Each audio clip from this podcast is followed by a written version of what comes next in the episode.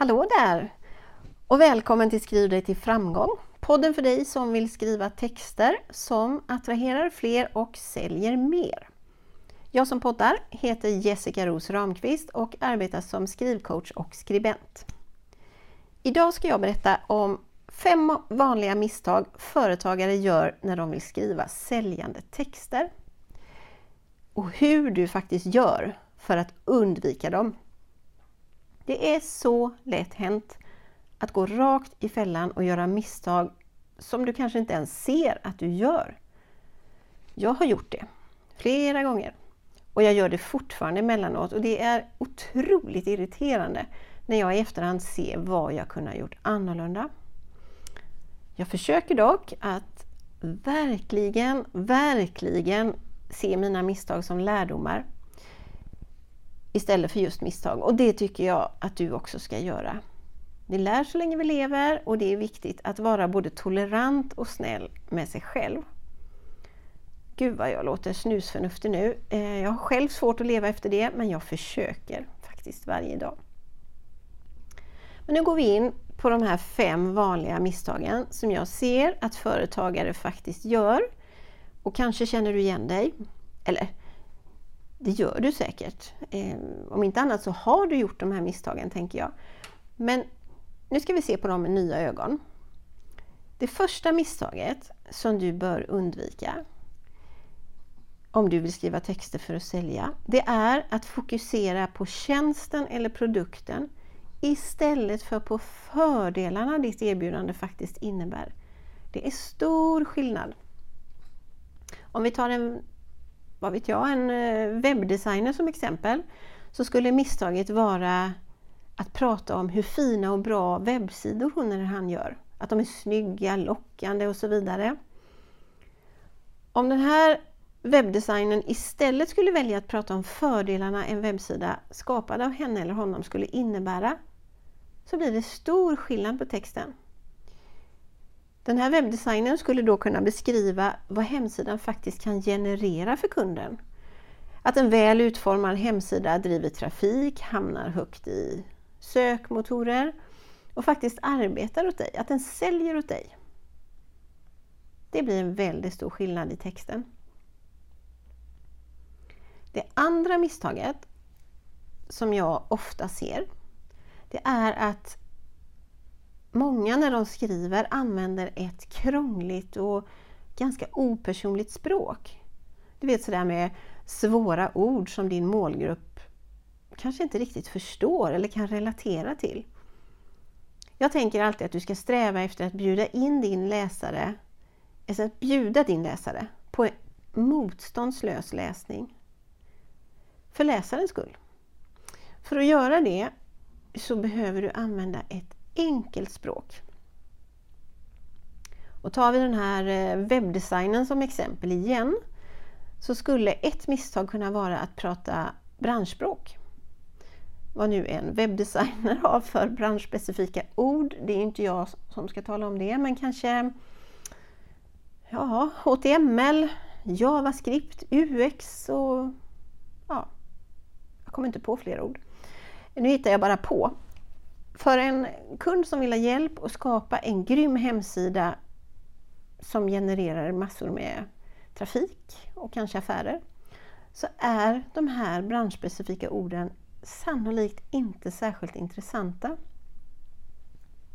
Däremot skulle webbdesignen kunna göra sin text intressant eh, på ett väldigt enkelt sätt utan krångliga ord. Eh, och istället tala om för läsaren vilken nytta en hemsida faktiskt kan göra och att du kan lösa det. Att webbdesignen kan eh, skapa en sida som gör att, att just din sida får mycket trafik, eh, många bokningar, vad det nu kan vara du vill ha. Då blir du ju lockad. Det tredje misstaget det är att helt ignorera målgruppens behov och de smärtpunkter den har. Eh, och då, då är vi tillbaka till den här grejen med att det är så viktigt att lära känna din målgrupp.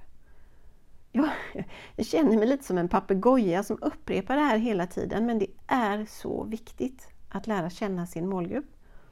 För ingen kommer läsa din text om de inte upplever att du pratar till just dem. Att du inte förstår dem. Då vänder han sig till någon annan. Det hade du också gjort.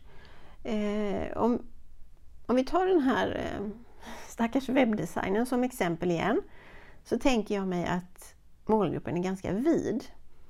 De flesta som har ett företag idag har en hemsida, eller webbsida har jag lärt mig att det heter. Det gör det hela lite svårare, men om vi, vi kan hitta på lite och bestämma att den här webbdesignen har specialiserat sig på webbsidor för terapeuter till exempel. Då blir målgruppen snävare och tydligare. Misstaget vore då att webbdesignen bara kör på och pratar om hur företagen, företagaren kan sälja via, via en ny hemsida. Om det inte är det som är i fokus för målgruppen. Det kanske inte är säljet som är smärtpunkten. Kanske ligger deras smärtpunkt i att deras eh, nuvarande webbsida inte rymmer något bokningssystem. De har helt enkelt ett behov av en webbsida där deras klienter enkelt kan boka och betala. Click and pay. Då kan ju inte webbdesignen prata om, om säljet.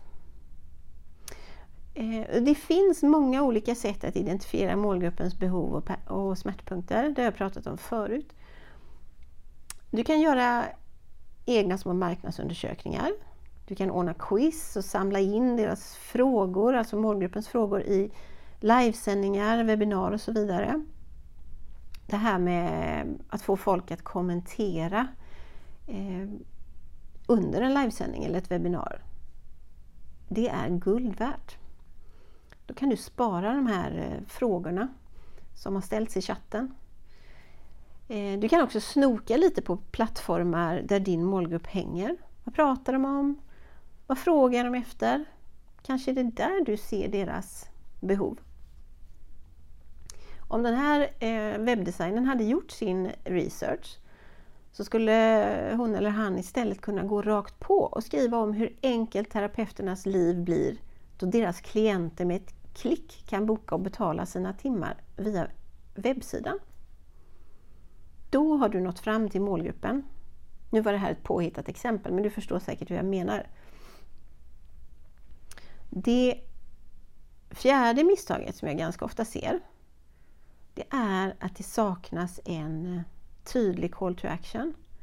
Du måste ha en tydlig call to action.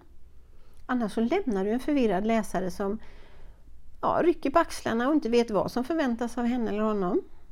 Jaha, det var inte mer med det. Och så, så kan vi inte ha det. Du vet ju vad du vill att din läsare ska göra. Eller hur? Då måste du också få läsaren att göra precis det du vill. Oavsett eh, om du vill att hon eller han ska köpa direkt, prenumerera på ditt nyhetsbrev eller lyssna på din podd, delta i ett quiz, anmäla sig till ett webbinar eller vad det än är, så måste du tala om det för läsaren. Nu får den här eh, stackars webbdesignern hänga med på alla fem misstag. Men om vi applicerar misstaget på, på webbdesignen så skulle det innebära att hon eller han beskriver hur fina webbsidor hen gör och också vad en sån webbsida kan göra för dig. Men sen glömmer webbdesignen sin call to action. Glömmer att ge information om nästa steg. Delta i mitt webbinar där jag visar dig hur enkelt dina klienter skulle kunna boka och betala tid hos dig. Eller liknande call to action. En, en tydlig call to action är inte detsamma som att eh, skrika kom och köp. En call to action är i själva verket ett, en snäll putt i rätt riktning. Du ska ta din läsare i handen och leda henne eller honom in på stigen där du vill att de ska gå. Alla kommer inte göra som du vill ändå. Men några kommer göra det och du måste ge förutsättningar. Har du ingen call to action så fångar du inte ens de där några som kan följa med dig. Och då är det ju nästan som att du har skrivit förgäves. Det verkar ju onödigt, eller hur? Det femte och eh, sista misstaget som jag vill ta upp det är att bortse från korrekturläsning och redigering. Snark tänker du och tänker fort gjort och så. Eh, men att lägga massor av tid på att skapa en säljande text och sen inte korrekturläsa och kanske redigera. Det är en ekvation jag inte får att gå ihop. Då menar jag absolut inte att det är en fullständig katastrof om ett eller två små ynka stavfel smyger sig in. Herregud, vi är människor, det smyger sig in i mina texter också. Men om stavfelen blir många, eller om det finns syftningsfel och andra grammatiska fel, så påverkar det faktiskt din trovärdighet. Det vågar jag lova. Jag har själv valt bort leverantörer för att texterna i ja, det kan vara inlägg eller deras hemsida, känns så otroligt slarvig. Och en slarvig människa är ju sällan slarvig på en enda sak. Och jag vill verkligen inte riskera att investera varken min tid eller mina pengar på något halvdant, på, no på något slarvigt. Det jag gör, det gör jag till 120 procent. Och så vill jag att min leverantör också ska göra. Jag tror inte det är så många som vill handla eller investera eh, av en slarvig människa oavsett det är en produkt eller en tjänst. Så slarvighet med din text, det signalerar slarvighet i det stora hela. Nu vet jag faktiskt inte riktigt hur jag ska få in den här stackars webbdesignen i något bra exempel. Det känns som att vi alla kan hamna i den här fällan. Och att ett exempel, det skulle liksom bli allmängiltigt för de flesta branscher. Så ett korrekt språk, det är viktigt oavsett bransch. Ehm, och för att undvika stavfel och liknande i texten så är mitt absolut bästa råd att skriva texten, läs igenom den, ändra de fel du hittar och låt sedan texten vila. Att låta texten vila är ett så bra tips. Den kan vila några timmar eller kanske till och med en dag eller två. Men jag vet, ofta har vi bråttom. Men handen på hjärtat, har du så bråttom att du inte hinner läsa igenom din text och låta den vila en liten stund, då är det kanske din planering och din framförhållning du ska se över istället för att försöka skapa texter som på ett maraton. Det låter hårt, men det, vi behöver rannsaka oss själva och att planera skrivtid, det gör du säkert, men att också planera tid för redigering, korreläsning och att texten får vila. Det är precis lika viktigt.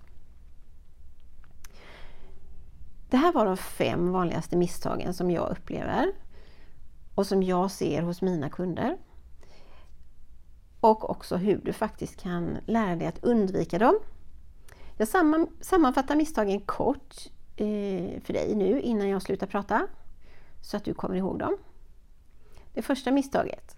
Du fokuserar på din tjänst eller produkt istället för på fördelarna ditt erbjudande innebär för din målgrupp. 2. Du använder ett krångligt och opersonligt språk som din målgrupp inte kan ta till sig. 3. Du ignorerar målgruppens behov och smärtpunkter och bara kör på utifrån vad du tror. 4. Du saknar en tydlig call to action. Superviktigt. Och det femte och sista misstaget. Du struntar i korrläsning och redigering. Gör inte det.